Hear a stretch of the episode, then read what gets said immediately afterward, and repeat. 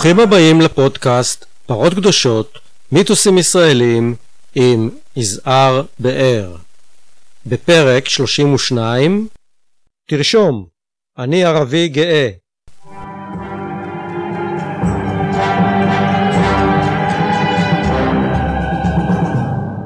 הוא ייחל להשמדתה של מדינת ישראל ב-1967, אבל יצא לחלוב את הפרות בקיבוץ השכן ולהחליף את הגברים היהודיים שיצאו למלחמה. הוא מאמין שישראל לא תתקיים לאורך זמן אם תמשיך להתבסס רק על כוחה, ובינתיים הוא מציע ליהודים לא להיות חלשים. הוא אנטי ציוני בהשקפתו, אך היה מועמד לכנסת מטעם מפלגה ציונית. הוא היה פעיל זכויות אדם שראה את קרביו של הסכסוך היהודי-ערבי מבפנים, ושילם על כך מחיר אישי כבד. היום הוא חושש מן האפשרות שמה שקרה בבוסניה, שממנה חזר לא מזמן, יכול להתרחש גם אצלנו. זאת אחת הסיבות שהפסיק לאחרונה לנדנד לשני ילדיו שעזבו את הארץ לשוב. בעיצומה של סערת חוק הלאום, חאג' נג'יב אבו רקייה, ערבי ישראלי, שמגדיר את עצמו גם הומניסט, סוציאליסט, פן ערביסט ודתי, בשיחה פתוחה על הפחדים הקמאים העמוקים ביותר בשני הצדדים ועל הסתירות שרק הסכסוך שלנו יכול לייצר. היא התנהלה בעברית צחה, טוב, לפעמים גם עם תבלון הביסלה של uh, כמה ביטויים ביידיש מצידו.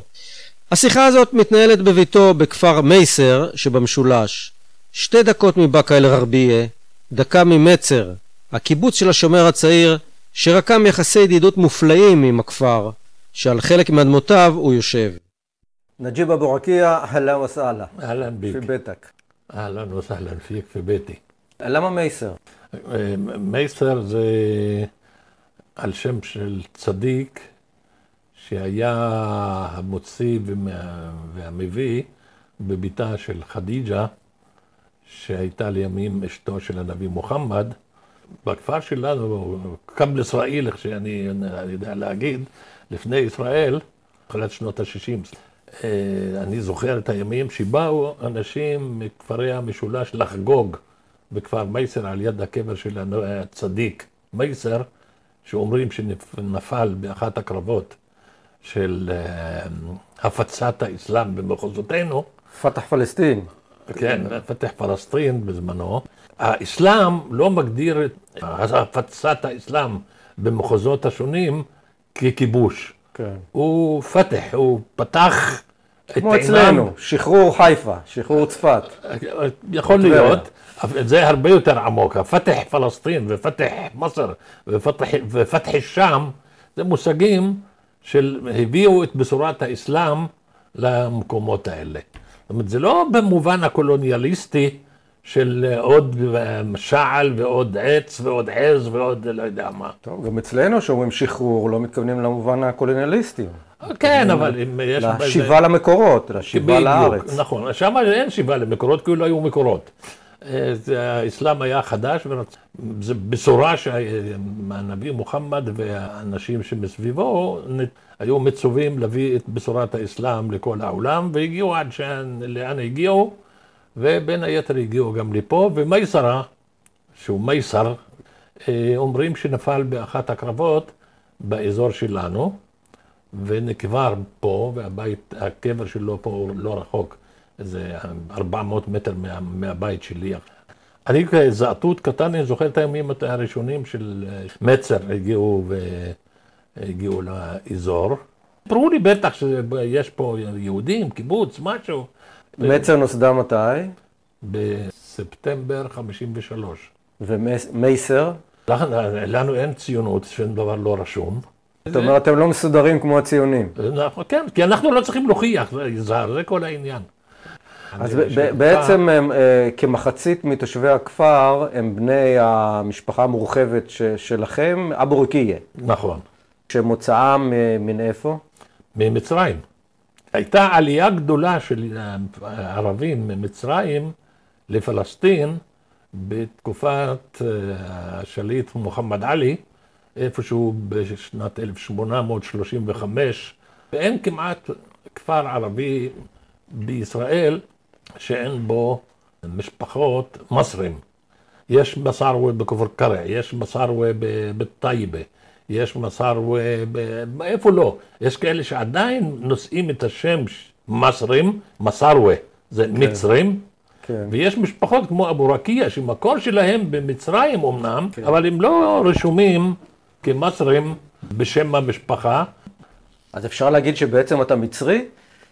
אה, במקור כן, ואני גם אוהב את מצרים, אני לא יודע, הרבה יהודים לא יאהבו את זה, אבל מצרים של, של נאצר הייתה גולת הכותרת של הערביות ושל הלאומיות הערבית. אני אומר, לפעמים ספק בצחוק, ספק ברצינות, ערבי שלא חווה את נאצר, הערביות שלו פגומה. אז בתקופת נאצר ללמדך הייתה, היו משטרים, היה באלג'יריה שלטו הקצינים שהייתה מהפכה נגד הצרפתים, בתימן אה, עבדאללה סלל שקם על האימאם אחמד, בעיראק היה עבד אל-כרים קאסם, אה, בסוריה הייתה כל הזמן משטר חילוני ולאומי. הייתה אוריינטציה סוציאליסטית קצת גם? בוודאי, בוודאי. עד אז היו מלכים מושחתים שלא עניין אותם העם שלהם ולא העם הערבי. לכן, נגיד, נאצר, אחד כמו נאצר שאומר שהנפט הערבי הוא לא רק של הסעודים, אלא כל, של, לכל האומה הערבית, מה זה, הם לא סוציאליזם. סוציאליזם על חשבון הסעודים. מה זה על חשבון הסעודים? הרי באסלאם, הרי באסלאם אפילו זה סוציאליסטי. כי בית אל-מאל של המוסלמים, כן. זה כאילו האוצר של המוסלמים, אה, מחייב שאיפה שיש הרבה צריך לתת בשביל אלה שאין להם. הם פשוט היו נבילות שלא רצו לתת, לא לזה ולא לזה. אז אתה, אתה מרגיש uh, קרבה לפן ערביזם של uh, נאסר? תראה, אני יודע שזה, פן ערביזם היהודים צבעו את זה בצבע מפחיד ושל אדבח אל-יהוד, וזה פשוט, uh, אני לא מוכרח לקבל את זה. אני כן, זאת אומרת, אני לא מפחד להגיד לך כן.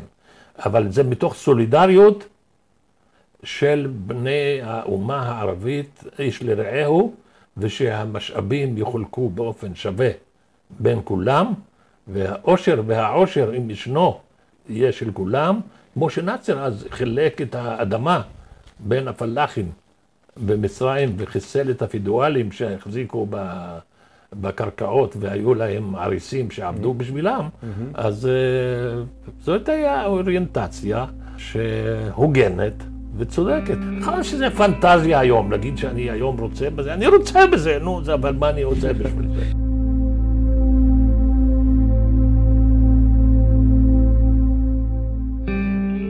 אני זוכר כילד, שנאסר מת, אז יגאל אלון אה, היה הראשון, הישראלי הרשמי הראשון שהגיב על מותו, ואז הוא אמר משפט אחד, בנפול אויבך אל תשמח. התגובה הזאת מאוד הרשימה אותי. אני חושב שהיום אפשר לצפות אה, בחייך, הגמדים בני ימינו ששולטים בישראל. פעם בישראל היו ערכים, אין, אין את הדור הזה. קיבוץ מצר שדיברנו עליו לפני רגע, סיפר לי אחד המייסדים של הקיבוץ, קוראים לו זיגי דוידוביץ'. תקופת הממשל הצבאי הייתה, היה מטע זיתים לתושב באקה בתוך האדמות של הקיבוץ. ובא מושל של, של המושל הצבאי ואמר לקיבוצניקים, חבר'ה, מה אתם יושבים פה כמו... בואנה, תעלו עליו, קחו את הטרקטור, תחרשו ותתנו לו כמה מכות והוא יסתלק וגמרנו, מה, מה אתם יושבים כמו נעבכים פה? לא, לא, לא, לא, לא. אנחנו באנו מהשומר הצעיר, ויש לנו חינוך שאנחנו באנו לחיות יחד עם ערבים ולא במקומם. ובזכות זה שהאנשים האלה, הקרקע הזו עד היום בידיים של בעליה והיא לא... אלה היו היהודים של פעם. איפה יש עוד אנשים כמו האיש הזה? כן. אז אתה בעצם גדלת במין אה, פיצול אישיות כזה, שמצד אחד יש את ה, אצל היהודים את הזיגים פה ושם, mm-hmm. ובצד השני יש את הנאסר והפן ערביות והתקוות לאומה ערבית חזקה ומאוחדת. בינתיים החיים מתנהלים ויש אה, מלחמות ויש קונפליקטים. כמעט אה, בלתי אנושיים. אתה סיפרת לי מה, מה קורה שאנשי הקיבוץ מתגייסים למילואים, למלחמה. מה לך כערבי קורה באותם ימים? א', אין ערבי שלא התפלל לחיסולה של מדינת ישראל, וש-48 הייתה תאונה, ומלחמת 67 בימי, ה... בימי ההמתנה, אין ערבי שלא פילל לחיסולה של מדינת ישראל. שמדינות ערב ייכנסו ויגמרו את הסיפור הזה, ויחזירו לנו את פלסטין שנשדדה, ויחזירו את הפליטים לבתיהם, וכולי וכולי וכולי, כי מבחינתנו זה היה עשיית צדק. אז בסדר, יהודים יגידו זה השמדת מדינת ישראל, יגידו זה, זה אטבח אל-יהוד, בסדר, כל אחד והמושגים שלו, וכל אחד עם הצדק שלו והמאוויים הלאומיים שלו, ואני כן. לא צריך להתבטל כן. אה, ולכופף את המאוויים הלאומיים שלי בשביל למצוא חן בעיני מישהו. מצד שני, בינינו לבין קיבוץ מצר היו יחסי אמת. כן. זאת אומרת, אילו הערבים היו נכנסים פה כמו שאנחנו קיווינו, כן. אני בטוח שהיינו נותנים חסות ופורסים את הכנפיים שלנו מעל הקיבוץ ואנשיו, והיינו עושים כל מה שלאל ידינו, שסערה מראשו של אה, איש קיבוץ זיגי. מצר לא תיפול. לא רק זיגי, אלא כל הקיבוץ. כן. אז, אז מה קרה בפועל? בואו לא נשכח שהם היו נציגי, נציגי הרוב השלט, ואנחנו היינו המובסים והנשלטים. כמובן שכל הקרקעות במחוז שלנו אה, ניתנו על ידי, המדינה נתנה אותם לקיבוצים, כולל פה ושם אפילו אדמות של תושבי הכפר עצמם. פשוט הייתה תקופה בוערת של העונה.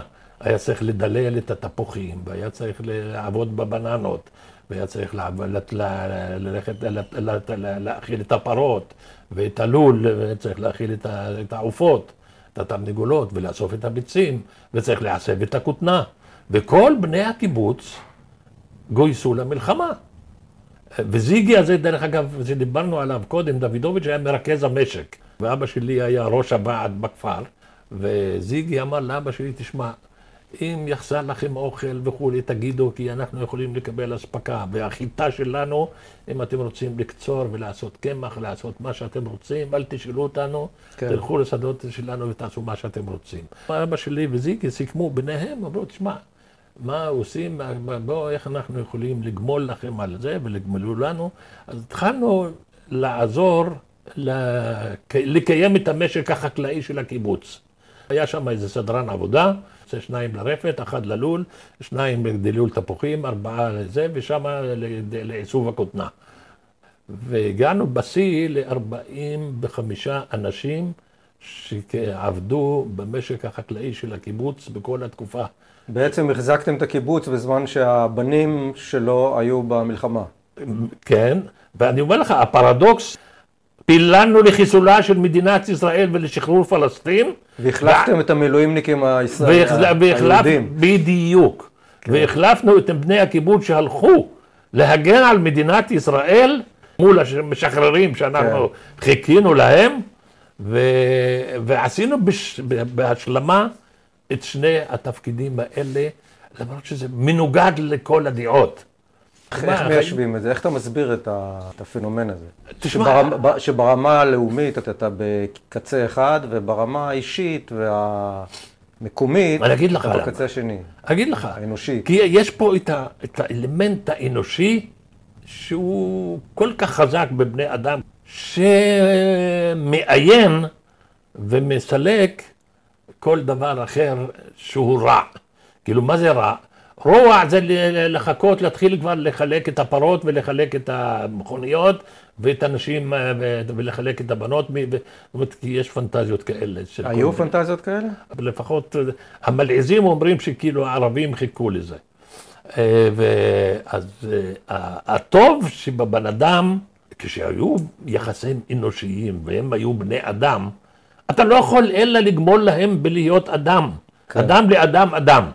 ואם היו הנבלות ורעים, יכול להיות שהפנטזיות שדיברנו עליהן קודם, לחלק ולחלק, יכול להיות שזה מה ש... יכול להיות שזה הצבע השולט. אתה מכיר היטב את שני הצדדים. אתה חושב שיש הבדל, בהכללות כמובן, בגישה של יהודים לצד השני, ובגישה של הערבים לצד השני. אני יכול להגיד לך ככה, הערבים הם קורבן. הם הקורבן של המשחק הזה. הפלסטינים בכלל והערבים הישראלים בפרט. אז הציפייה של ערבים מהיהודים זה לנהוג באבירות כצד המנצח. וגם מי שבעצם לקח את כל הקופה. כן. אתה לקחת את כל הקופה אליך, אני מצפה ממך להיות בן אדם.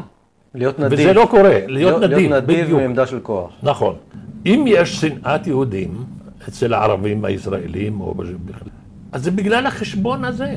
ערבים אנשים טובי לב לדעתי ופשוטים, והם לא כל כך מתוחכמים, והם יכולים לסלוח. אני מאמין שהגן של הסליחה אצל הערבים הוא יותר חזק. אה, למה אני אומר את זה? בליל החתימה של אוסלו, אני אז הייתי במרץ, וארגנתי צפייה משותפת של ההנהגה הפלסטינית דאז, שהיו באוריינט האוס פייסל חוסייני, זיאד אבו זיאד, וחנן עשראוי, ועוד כהנה וכהנה שמות נוצצים שנוצצו דאז, ורן כהן ויוסי שריד וג'ומס שהיו חברי כנסת ממרץ, אז מאחר שאני הייתי מנהל הארגון של העניינים הערביים במפלגה, יזמתי את זה. וראיתי איך שהערבים במזרח ירושלים הסתובבו אז ונתנו לש... לחיילים פרחים ושמו פרחים ועלי זית על, המכון, על, ה... על הג'יפים של המשמר הגבול ושל המשטרה ושל הצבא וכל מי שהיה שם והם עברו, יצאו במחולות ובשירה ברחובות ירושלים שם באזור האוריינט האוס בשביל מה? בשביל סתם חתימת אוסלו, זה לא נתן להם מדינה ולא נתן להם כלום, כלום, כלום, כלום. הם כל כך היו שמחים והיו התחבקו. מהג'סטה. כן, ו... מהג'סטה של ההכרה וה... כן, בזה שכבר, הנה, יאללה, בואו, אנשים אחים אנחנו. והיה על רקע אינתיפאדה עקובה מדם. אני טוען שיש בציונות מחלקה שדואגת לשמר את הסכסוך עם הפלסטינים ועם הערבים, ואם אין אויב אז נמציא, כי זה הדבק שמחזיק את היהודים יחד, שהאויב המשותף החיצוני שמאיים לכלותנו.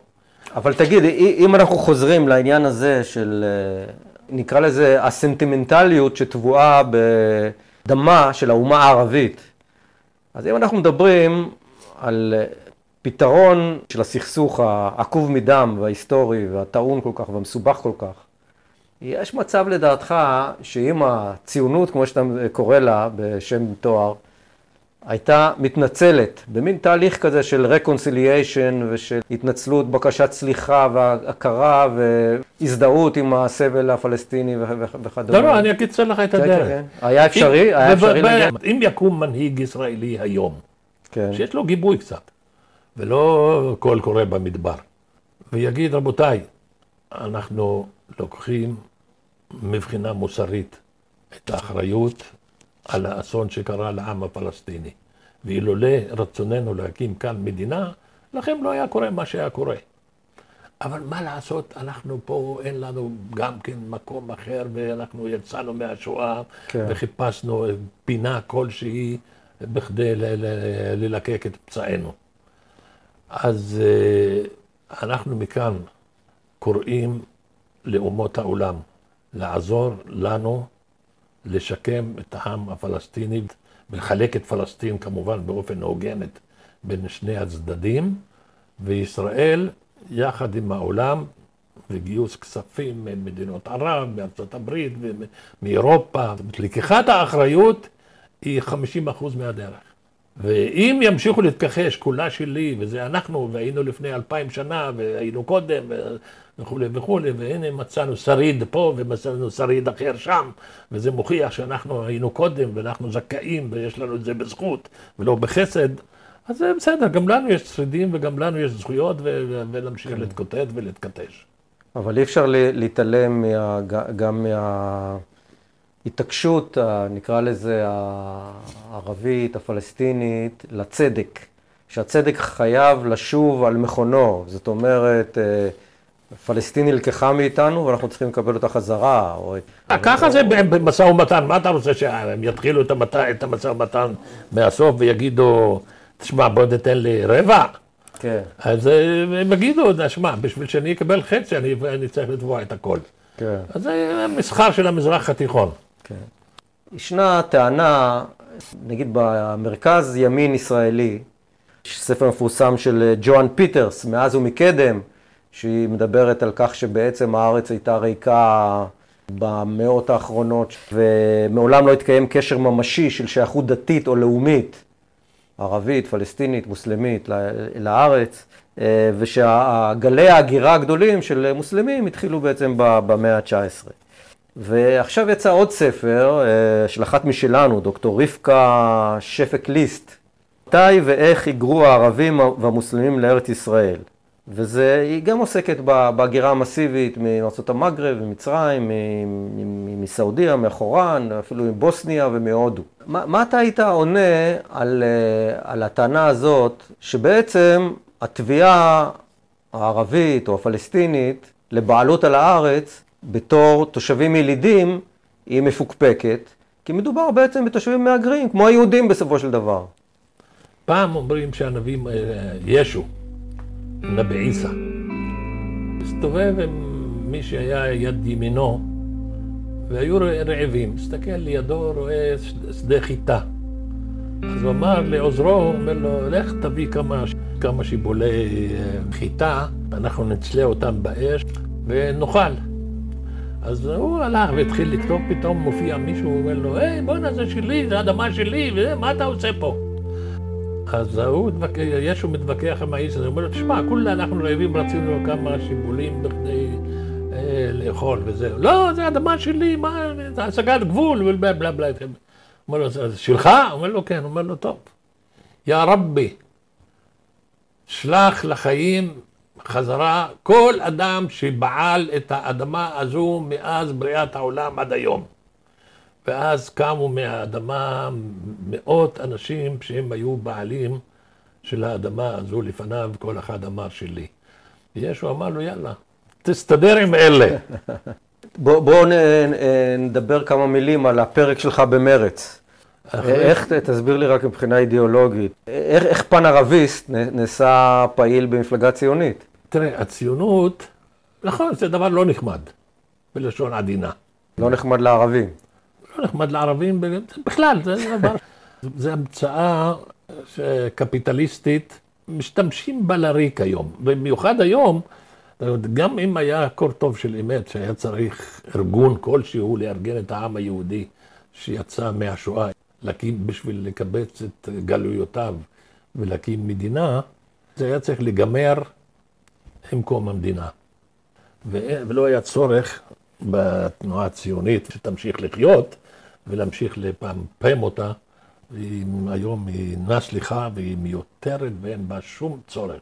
יום אחד שבניתי את הבית הזה, בשנת 73, ובינתיים שמתי רדיו ככה שלא ישעמם לי. ואני שומע איזה יהודי מדבר. וואלה, אומר, היהודי הזה מדבר, אומר דברי טעם. אחר כך ש... תודה רבה לאדוני אלוף, משהו, מאיר פעיל. אם יש אלוף בצבא שמדבר ככה, על שלום ועל תחלוקו וכולי וכולי. אז uh, אני חושב שעם אנשים כאלה אפשר באמת להגיע למשהו. אז שאלתי איזה חבר שלי, קיבוצניק, אמרתי, תגיד, מישהו עדיין מאיר פעיל. שמעתי אחד כזה ברדיו, אמר ככה וככה כן. וככה. אז הוא סיפר לי מי זה יאיר פעיל. אז עם הקשרים שלי עם חברים חדש, אמרתי, יאללה, בואו. והתחלתי את הפעילות שלי בעצם משם. לכן הציונות, מבחינתי, אחרי שקמה את מדינת ישראל, היא כבר לא הייתה שחקן על המגרש. Mm-hmm. היא כבר לקחה את כל האדמות, היא כבר uh, סילקה לכל הרוחות את כל הפליטים. הנזק והפחד מהמילה ציונות כבר uh, אין, לכן לא, לא, לא ספרתי כן. את העניין הציוני בתוך המפלגה, כן. כי מה הוא עוד יכול לעשות שלא עשה?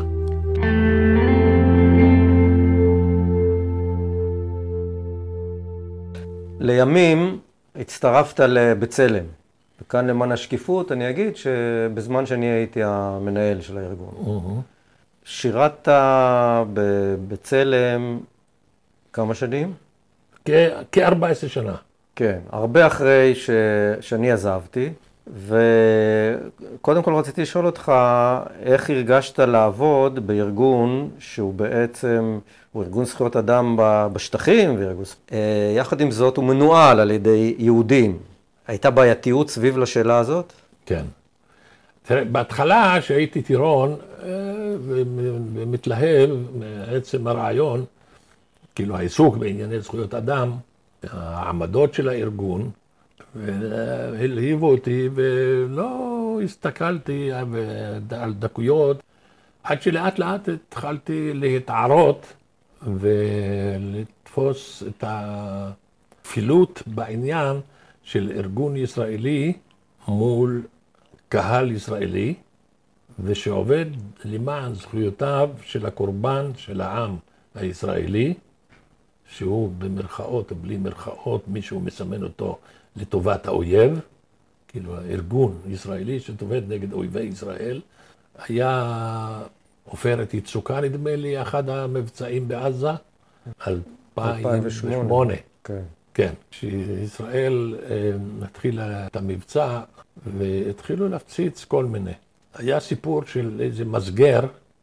כן, כן, אני זוכר את אותו. אה, מסגר שאמר, וואלה, היהודים עכשיו מפציצים את כל המסגריות בטענה שהם עושים קסאמים. אז עוד, בטח עוד מעט יגיע התור של המסגריה שלי. אז הוא פינה את המסגריה על משאית. אז התחלתי לפנות, בדיוק, התחלתי, כן. לפ... התחיל לפנות את הדברים היקרי ערך שיש לו. כן. בין היתר היה לו שם את הבלונים של חמצן, כן. ושהוא מרתך. והמשאית הופצצה מהאוויר. בדיוק. כן, ואז שלחנו את האיש שלנו בעזה, שצילם את הבלוני גז.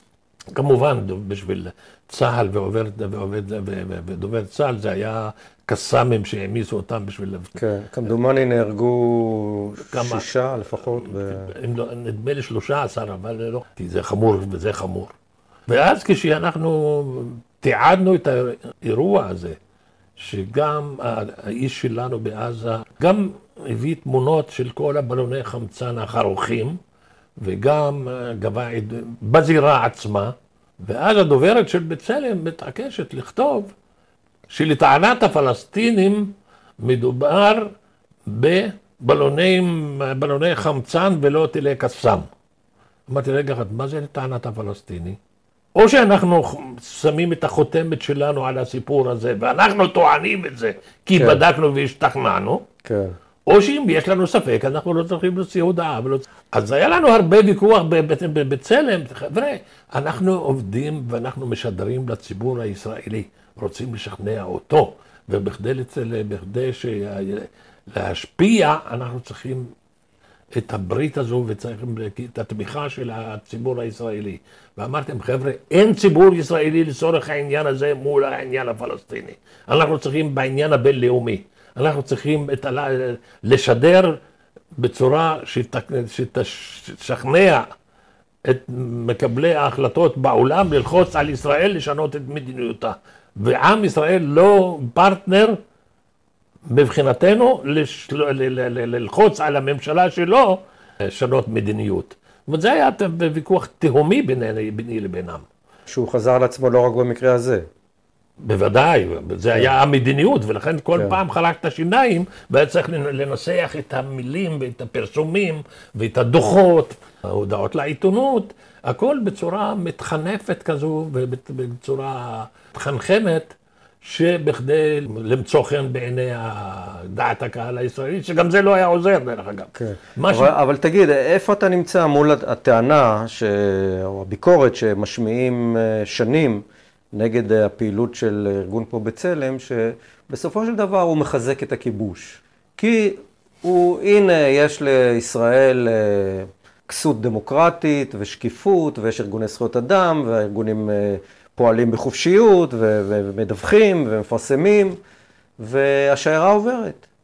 אתה, יכול להיות שאתה פעלת בארגון שהיה אחד ממנגנוני השימור של הסטטוס קוו, פעם כשפלסטיני חטף כמה סטירות מחייל, זה היה מבחינתנו, מבחינת בצלם, זה היה סיפור שומו שמיים.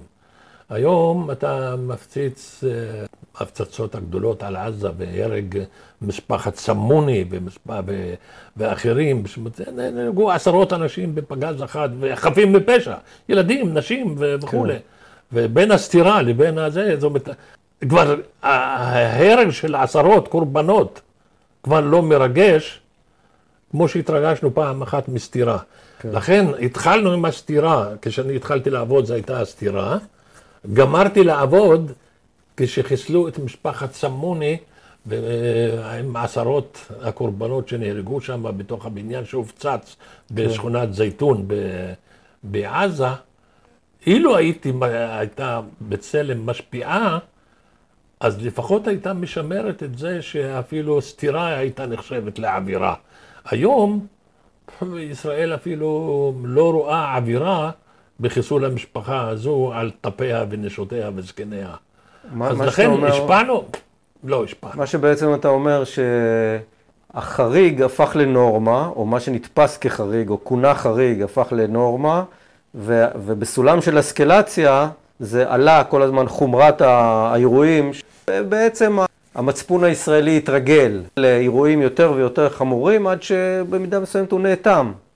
המיליטריזם, מה ששולט בישראל, והדה-לגיטימציה של האויב, והדמוניזציה של האויב, של, של הצד האחר, זאת אומרת, יש פה מערכת של תקשורת ושל צבא, שהוא הפכו אותו לאליל, כאילו שמבחינת כאילו סוגדים למיליטריזם. אבל, אבל זה, זה לא קרה ביום אחד, זה, זה הלך ו, והתפתח והחריף. לא כך? כן, כן, כן, אבל זה לא בהכרח קשור לבצלם אמנם. ויש תהליך של התבהמות בציבור הישראלי, לכן זה בעוד, בשלב די מוקדם התעורר הוויכוח הזה ביני לבין הקולגות היהודיים שלי, שצריך ל- ל- ל- לעבוד מול אומות העולם ולא מול, okay. אה, כן. מול הציבור הישראלי, כי חר לא יצא מהציבור הישראלי. כן. עכשיו, במשך השנים שלך כתחקירן בבצלם, נחשפת לאירועים ולמחזות אה, קשים, עד שלב מסוים שלא יכולת יותר, וקרה משהו. Mm-hmm. אתה יכול אה, לשתף אותנו מה קרה? כן, בתקופה של, שעבדתי בבצלם, היו אירועים מזעזעים, וריבוי העיסוק שלי בחומרים האנושיים האלה, או שהלא, הבלתי אנושיים האלה, של קורבנות ודם והרג ו, ומכאובים וצער. אז אה, באופן אישי הגעתי למצב שקרסתי מבחינה נפשית. זה, זה קרה לי כמה פעמים תוך כדי עבודה בתוך הארגון. מה היה הטריגר? אני לא יודע מה היה הקש ששבר את הגב הגמל, אבל אני זוכר שניים שלושה דברים בשכם שאתה עומד עם החוסר אונים שלך. קח סיפור למשל שבן אדם זקן שיצא להתפלל ורצה להיכנס לעשות את צרכיו, אז כל דבר שזז ירו בו. אז הרגו את הזקן הזה שיצא להתפלל, כי יש משהו שזז שם. זה כאילו לשמור על החיילים, זה היה כאילו ההוראות, הכותרת, ש... כן. כאילו שאין, אסור שחייל ייפגע. שמישהו מספר לי מתוך הבית שלו, אני מסתכל מהחלון ואני רואה גופה כבר כמה ימים מונחת בשדה, לא רחוק מהבית שלו, ושהכלבים נוגסים בה. שהוא בעוד גם כן בתוך המחנה, הבן שלו נהרג, ולא, אמבולנס לא יוכל לבוא לקחת אותו, לא יוכל לבוא לעזור לו כשהוא נפגע, והוא מת אצלם בבית, והוא רצה לקבור אותו בבית אצלו, ואני רציתי לשכנע אותו, אל תעשה לילדים שלך ולמשפחה שלך את הדבר הזה, כאילו אתה קורא קבר בתוך החצר שכולם ימין צער לכל החיים, לכל המשפחה שלך, והתחלתי להדריך אותו, תעטוף אותו בבד ובניילון, תעשה אה, שוחה קטנה, לא עמוקה מדי, ותכסה אותו בקצת עפר, וככה עד שיעבור זעם, ותוכל להוציא את החבילה כמות שהיא ולהביא אותה לקבורה. וזה שהמקרר של בית החולים בשכם, מקרר המתים, היה מלא והיו צריכים לגייס איזה משאית להובלת בשר שהייתה, היה לה מנוע קירור, והיו צריכים להפעיל אותו ולהפעיל את המשאית בכדי לשים שם את המתים בתוך המכונת אה, הובלת בשר הזאת. אחר כך אה, באירועים אחרים, שהעובד שלנו בעזה, בעופרת יצוקה, היה מבצע שהצבא, עוד מכבסת המילים הישראלית, הצבאית הישראלית, קראו לזה הקש. הקש, הקש ב, בדלת. הקש בחלון, הקש, בתקרה. הקש בגג. לא? הקש בגג. כן. כן. והיו כאילו... שזה אזהרה לפני הפצצה של בית. נכון. ואז העובד שלנו מתקשר בדחילו ורחימו ובצרחות אה, של זעקות שבר, שאנחנו פה 75 אנשים יושבים, אה, תושבי איזה אה, מגדל בניינים בדירות, ואנחנו מתחבאים מתחת למדרגות, והם כבר פגעו בגג. אוי ואבוי אם יפגעו בנו עכשיו, איזה בית יתמוטט ו-75 אנשים כן. יכולים להיהרג פה, ואני בתוכם. ואז כשהייתי צריך לשמוע את הדברים האלה ולבוא לדווח לצוות שיש פה אירוע כזה וכזה, מה עושים איתו, אז פשוט קרסתי בבכי קורע, לא יכולתי כבר, הייתי מלא, בלערבי אומרים זה טפח, טפח זה כמו שאתה לוקח את הכלי הזה ואתה שופך לתוכו מים. מתחיל לשפך החוצה, הוא כבר לא יכול... התמלא הכלי עד סוף, עד הסוף. כן, ולא רק, אפילו גם התחיל לשפך, עד שבסוף אה, הפסקתי לתפקד. זאת אומרת, יש לזה גם סימפטומים פיזיים, זה לא... איבדת את השערות ושערות הגוף ביום אחד. אני הגעתי לטיפול וחשבתי שיש לי, לי התקף לב. כן. הלכתי לבית החולים, אמרו לי, אדוני, זה התקף חרדה.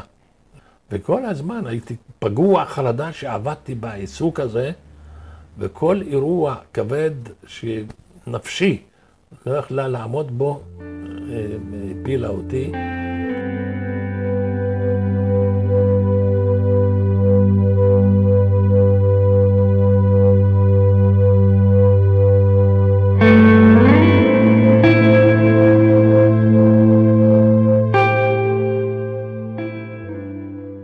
לאחר שקרס במהלך עבודתו כתחקירן בצלם, עזב נג'יב אבו רקיע את עבודתו בארגון ועבר תהליך שיקום.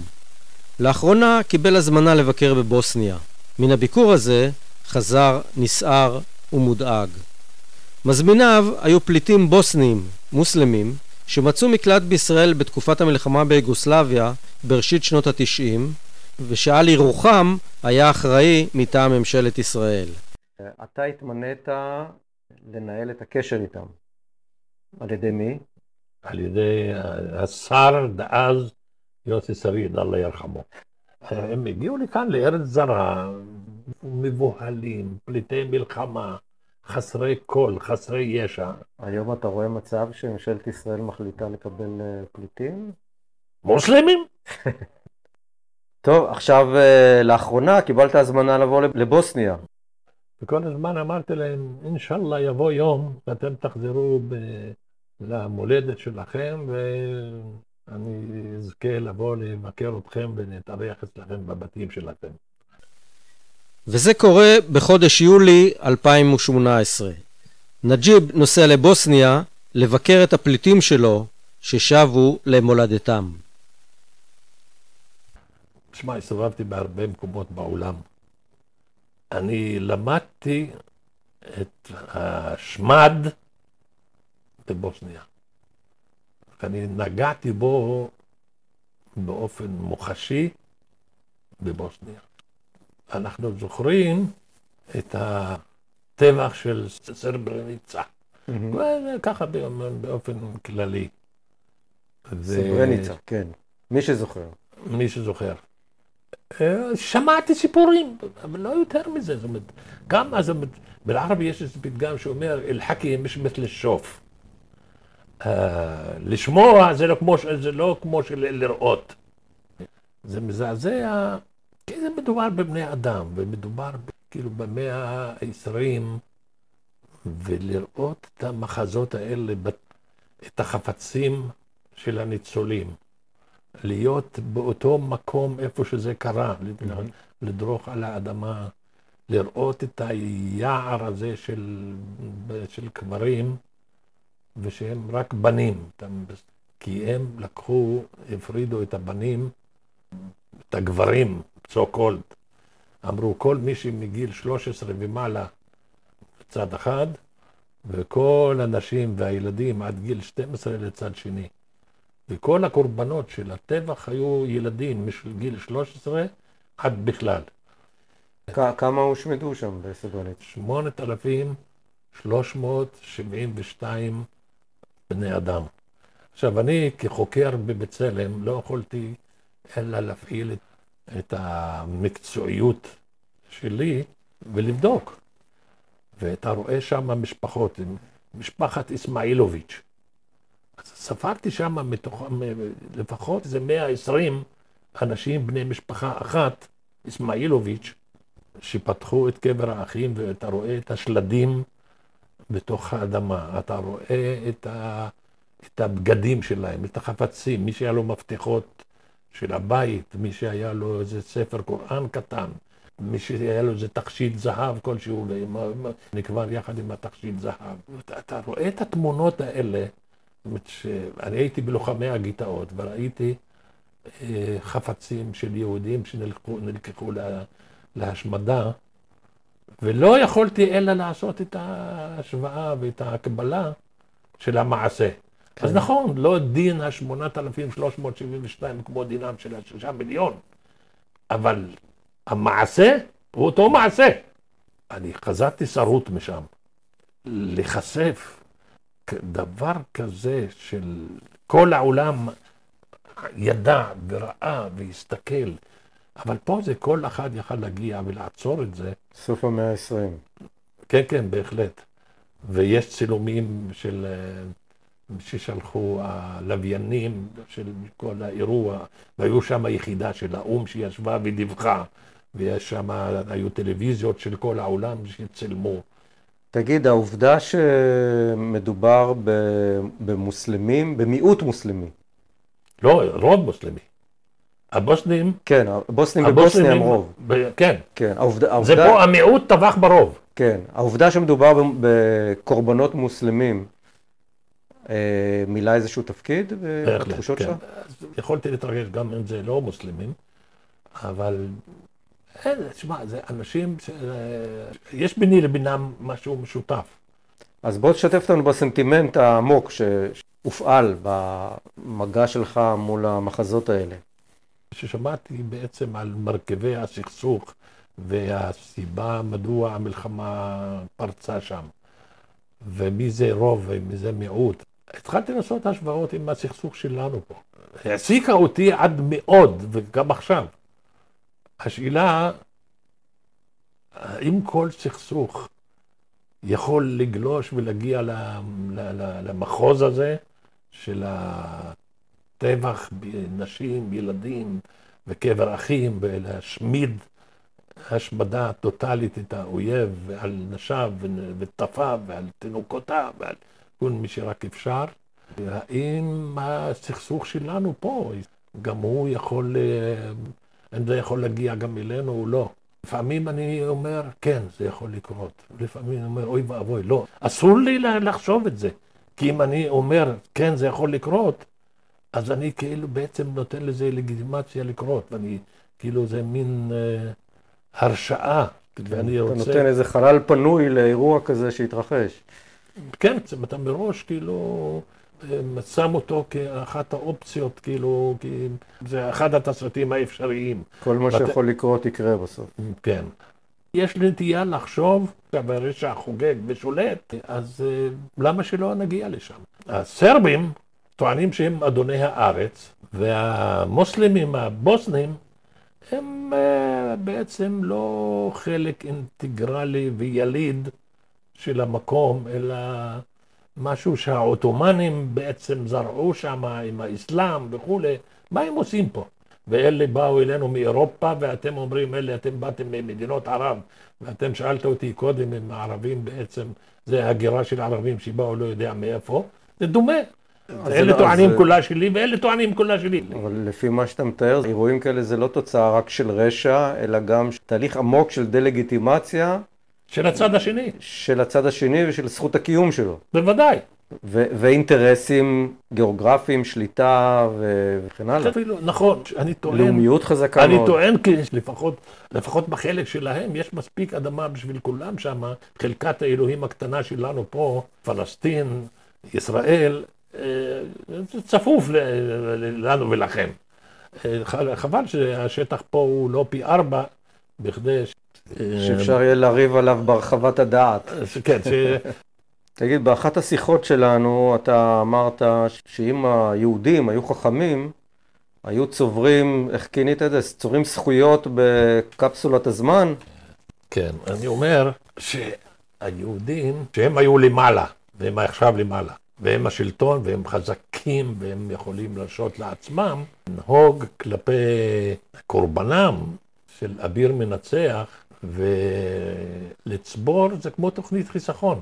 הנה, אני נהגתי בכם באדיבות ובהגינות ובאבירות, כשאני הייתי הצד המנצח, שמא מי יודע? התחלפו זה- פעם, זה שמא התחלפו, קודם כל זה מתבקש כשלעצמו, כי זה, ככה זה צריך להיות בין בני אדם, וזה הדבר הנכון. בסדר, ישראל בסדר חזקה היום, יש לה פצצה גרעינית ויש לה חיל אוויר ויש לה יכולת צבאית הגדולה ביותר בעולם ביחס לגודלה. אימפריות יותר חזקות מישראל היו וקמו ונעלמו מההיסטוריה, והערבים לא יכולים להיות חלשים כל החיים, והיהודים לא יכולים להיות חזקים כל החיים. זה יכול לקרות ביום, בעוד 50 שנה, 100 שנה, 200 שנה, 1,000 שנה, לא יודע. אני חושב שצ... שיהודים צריכים לחשוב גם על מחר. ואז מה? לרשום בספרי ההיסטוריה מספיק מעשים טובים בכדי למנוע מהערבים שנאה טוטאלית ודמוניזציה מוחלטת של כל מה שנקרא יהודי וישראלי וציוני. ושהמצווה היחידה שיש זה להשמיד את כל הדבר הזה מיסודו, אין לרחם עליו, כי במעשיו אין לו קרדיט על שום דבר שמישהו יכול לקום ולהגיד, רבותיי, חוסו על מישהו. מה העצה הידידותית שיש לך ליהודים, חוץ מלא להיות חלשים? טוב, אני לא אומר להם להיות חלשים, כי מול מצבורי השנאה שהם זרעו ב- במרחב המזרח התיכוני, אז אם הם יהיו חלשים, אז בוודאי שהערבים יהיו שמחים מאוד בכדי לסגור איתם חשבון. הם, הם חייבים, מה שנקרא, לא על החרב לבדו יחיה האדם, כי החרב הזו לא יכולה להחזיק מעמד כל הזמן, לא יכול להיות. זה אנטי לוגיקה. הם צריכים לנצל את העוצמה שיש להם היום בכדי להבטיח את עתידם מחר. לנטרל את הסיבה של האויב שלהם לחפש אותם ולאגור כוח ועוצמה וללמוד איך לנצח אותם. ואיך עושים את זה? פשוט, אנחנו חוזרים לדבר הבנאלי. לעשות שלום עם הפלסטינים ולחלוק את מה שיש מהירדן לים באופן הוגן עם השותף הפלסטיני. כשאתה, כשאתה אומר אה, מידת השנאה כלפי ה, מה שהיו קוראים פעם הישות הציונית, יותר גדולה מאשר אה, פעם? בטח, בוודאי. תשמע, תראו את הדור של ההורים שלכם. זה היה נתח די נכבד בחברה הישראלית. היום אין את זה, היום זה, זה היסטוריה. זה טוב, זה חומר ארכיוני. איפה יש לך בני אדם כאלה היום בישראל? כי החינוך הישראלי, זאת אומרת, החינוך זה לא רק הבית ספר, החינוך זה העיתון, זה התקשורת, זה הטלוויזיה, זה הרדיו, זה הספיץ' של מקבלי ההחלטות, של ראש המדינה, של, ה, של השרים, של חברי הכנסת, של מעצבי דעת הקהל, של הפרשנים, של רוני דניאל. זאת אומרת, כל זה ביחד זה חינוך. היא התעצבה בצורה מעוותת. וככה הקרקע התרבותית, החינוכית של ישראל, איבדה את היכולת לגדל פה בני אדם הומניים, הגונים, ישרי דרך, שגם רוצים לחיות. אז אתה בתור מי שיושב בתוך עמך, אתה מרגיש שבקרב הערבים הישראלים יש היום יותר משטמה כלפי היהודים והציונות? כן. כי קח למשל את חוק הלאום הזה. זו ארצנו ואתה שולט בה, ולא ארצך ואנחנו חיים בה. למה הערבים לא יוצאים בהמוניהם למחות כן. על החוק הלאום? כי אומרים, שמע, החיים שלנו ביום-יום זה חוק הלאום. זאת אומרת, מה, מה נשתנה? כן. שמו, לקחו את התעודה הזו שכל הזמן הסתובבה כפיסת נייר ושמו עליה מסגרת? זה כל השינוי. זאת אומרת, סך הכל יש די אדישות אה, בקרב האוכלוסייה נכון, הערבית המוסלמית. אני לא מדבר על נכון, זה הסקטורים בדיוק, כמו הדרוזים. ייאוש, לא לא אדישות. כן, ייאוש. כן.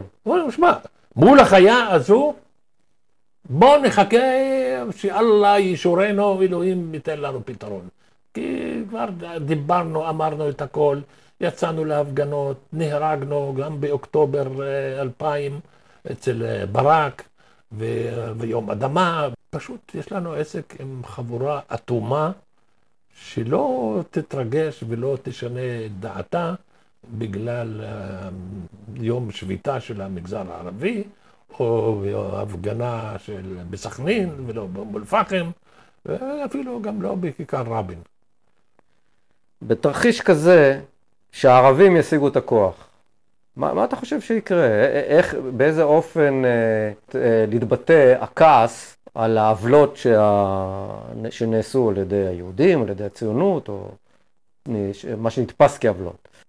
אתה יכול לראות סיטואציה כמו בבוסניה? יש פוטנציאל ל- לרוונש, לנקמה היסטורית כ- כ- כזאת? כן, קודם כל כן. הרשע והרוע וחוסר הת- התבונה אצל הבני אדם קיימים כל הזמן. הרי היום, מה זה פעולות התגמול של ישראל? זה לא ריבנץ'? זה לא פעולות, זה לא, אבל זה שאתה- לא נקמה? אבל אתה בתוך עמך אתה יושב, אתה, אנשים כן אתה יודע מה, אני שהייתי בבצלם, כן, היה, נדמה לי, אה, מעשה של הלינץ' ברמאללה. כן, ובצה"ל החליטו שהם עושים נקמה.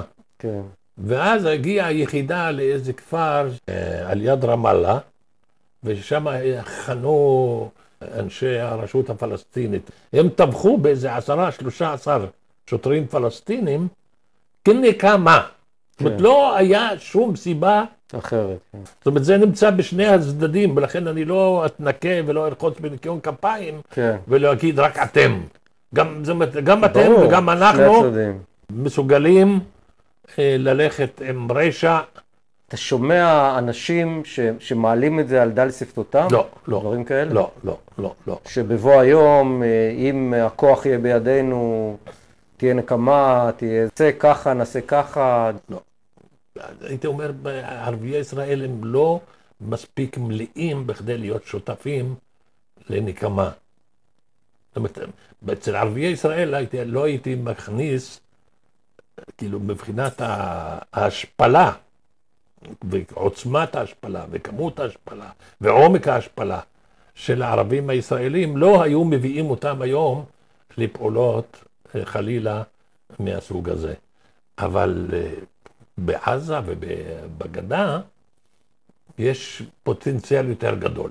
כן. תגיד, אה, מול שני התהליכים ש... של הערבים בישראל, תהליך הישראליזציה, זה התהליך המנוגד, הפלסטיניזציה. מה, מה הכיוון היותר דומיננטי היום? יש שני תהליכים והערבים הישראלים מחזיקים בחיים את שני הערוצים. קח את למשל, אצל אפילו חלק מהילדים שלי, לפעמים כשישראל עושה איזו פעולת נקמה בשטחים, אז היה עם השלושה ילדים האלה בחברון, שלושת היהודים כן, ש... כן, כן, שנחטפו. שנחטפו, המבצע בעזה, המבצע בעזה, שאחרי חטיפת הנערים. כן. אז אחד הילדים שלי אומר, שמע, למה הערבים עושים את מה שעשו וכולי וכולי. אני אומר להם, למה, למה? כי חבר'ה, יש פה סכסוך, יש פה אנשים שנהרגו הבנים שלהם והאחים שלהם והדודים שלהם, ויש אנשים שנאבקים נגד כיבוש, ואדמות שלהם נלקחו, והכבוד שלהם נרמס, ואז הם מחפשים בכל דרך להכאיב לאויב, וזה... וזה... אז כאילו, מה הם אומרים הילדים? שמגיע להם, למה הם עשו ככה וככה? למה הפלסטינים עשו ככה כן. וככה? כאילו, הם מתחיל, כבר מתחיל, מתחילים לדבר כמו ישראלים. כן. אתה רואה את מדינות ערב מסביבך. אתה מבין, אם הייתה קמה מדינה פלסטינית עכשיו, אז מה הייתה שונה מכל מדינות ערב? הייתה כמו ירדן וכמו מצרים וכמו סוריה וכמו מרוקו, והייתי במרוקו פעם. וישבתי לשתות כוס קפה. בא מישהו עם ארגז ועם כלים וכולי, מתיישב ורוצה לצחצח לי את הנעליים. הוא אומר, מה אתה עושה? אדוני, אני לא אדון שלך ואתה לא תצחצח לי את הנעליים. למה? מה, אין לך מה לעשות? זה מה ש... אומר, שמע, אני סטודנט, למדתי ולמדתי ולמדתי, אין מה לעשות ואני רוצה להתפרנס. אמרתי, קח תתפרנס, אתה אל תצחצח לי את הנעליים. אה, עכשיו, כמה כאלה יש במצרים? תשמע, יש רעב במצרים היום. כן, לא רק במצרים. יש, בדיוק. אז מה, בסעודיה אתה רוצה להיות? זאת אומרת, לא תענוג להיות במדינות ערב האלה. אז אין ספק שמבחינה כלכלית אה, וגם מבחינת החופש התמרון, הדמוקרטיה בתוך ישראל, שונה ממדינות ערב האחרות. אז לכן יש מי שמבין את זה ומעריך את זה, ואומר, חבר'ה, בסדר, אז יש לי את החשבון שיש לי עם היהודים, אבל יש גם הצד השני של המטבע, זה זה. ויש שיגידו, תשמע, לא רוצה לא מדובשו ולא מעוקצו, ואם הם לא היו, הם אחראים על כל המצב הזה שקורה במדינות ערב, ואם לא היה סכסוך איתם, מדינות ערב לא היו נראות כמו שהן נראות, ואנחנו לא היינו נראים כמו, שהן, כמו שאנחנו נראים, והידיים הציוניות בוחשות יחד עם האימפריאליזם האמריקאי והאנגלו-סקסוני אה, במדינות ערב, מה זאת אומרת, לא שהם בילט אין נבלות במדינות ערב ולא יוצלחים, אלא יש מי שדואג שלא יוצלחים יהיו שם, וכשהיו שם אנשים שיכלו להצליח, אז דפקו להם את הצורה. בתור אחד שהולך בין העולמות, מה הדבר שהישראלים הכי לא מבינים, או הכי טועים בהבנה שלהם את הערבים, ומה הדבר או הטעות או החוסר הבנה הכי גדול של הערבים את הצד היהודי. ערבים לא מבינים שהיהודים אחרי שיצאו מהשואה הם צריכים איזה בית, שהיהודים זקוקים לאיזה פינה בשבילהם ושגם הם אה, התגבשו לעם שרוצה לשלוט בגורלו ובעצמו. מה שהערבים בכלל לא, לא נופל להם האסימון. וזאת אומרת, מול המחשבה שיש להם, שזה שליחות אימפריאליסטית, קפיטליסטית, שבאה למחוז הזה שהוא עשיר בנפט, וישראל פה היא בסיס בשביל האימפריאליזם העולמי, בכדי לשלוט באוצרות הנפט וה... והאחרים והמשאבים הנוספים שיש פה וכולי. עכשיו, איפה טועים היהודים? בואו נגיד, השתן עלה להם לראש. הכוח העביר אותם על דעתם, שיכרון הניצחון והכוח יביא את סופם. הדבר הכי מסוכן ליהודים זה לא צבאות הערב החמושים שיבואו על סוסים לבנים ועם חרבות חדים, אה, ימגרו אתכם כיהודים, אלא השיכרון, הכוח וה... האופוריה. והאופוריה שחיים בה, והזילות הזולת הפגעים הכי, הפגע הכי גדול של היהודים. אתה דיברת על בוסניה, אבל המשפחות המעורבות. גם יצא ככה שגם אתה איזושהי משפחה מעורבת, שאחד מבניך התחתן עם יהודייה. Mm-hmm. לא אהבתי את הרעיון. בהתחלה, מלכתחילה. מלכתחילה כשהם דיברו איתי על זה, ויעצתי להם לא לעשות את זה. יעצת. כן. ואמרו, אהבים, מה תחזבו אותי? אבל תמיד, תמיד אפשר למצוא אהבה נוספת. ואמרתי שהאקלים סביבכם הוא כל כך בלתי אפשרי להקים משפחה מהסוג הזה, אז לך יגידו לך הערבי שלך ולך יגידו היהודייה שלך, ואני לא יודע מה יגידו ליהודים, לילדים, ואיפה הם ילמדו ומה הם ילמדו, והאם הם ילמדו כערבים, ככל הערבים, או שילכו, ילמדו כיהודים, שילכו לשאת נשק וישרתו בצבא וכולי וכולי. לכן זה כל כך מסובך. אני הייתי מציע לכם שאל תעשו את זה. אז לא שמעו בקולי, והתברר שהבדלי התרבויות הם כל כך עמוקים, שהם לא יכלו להמשיך ביחד. ונפרדו. האישה היא מקיבוץ, בת קיבוץ. ו- ונולדו להם שני ילדים? זאת אומרת, יש לך שני נכדים, שהם לכאורה יהודים על פי ההלכה, אבל ל- לפי איזו הלכה? שלכם. והם מוסלמים לפי ההלכה שלנו. נו, אז זה בסדר, נסתדר משני הצדדים, לא? כן, אבל זה שוב פעם, למה מסובך? כן. ולמה הם לא היו צריכים... אה, אתה רואה שזה כל כך מורכב מצבנו, שאפילו כן. ברמה של, של שניים כן. לא יכלו להסתדר וזה השאירו אחר. אה, איך אתה מתייחס לעובדה שבעצם שני ילדיך עזבו את הארץ וחיים בחו"ל? אני אגיד לך, בהתחלה כעסתי והרגשתי שילדים שלי נוטשים אותי ואת התא המשפחתי שאנחנו כל כך מקדשים. הנחת שאבא צריך לראות מהילדים והנכדים סביבו, אתם כאילו פוגעים בקודש הקודשים הזה. אבל אה, אחרי עבור זעם, היום, ככה אחרי כמה שנים שהם כבר לא, לא פה, אני אומר, נג'יב, אילו היית בגילם, נוכח האווירה הרעילה והדחוסה שיש בישראל היום, תגיד, אתה לא היית עושה אותו דבר?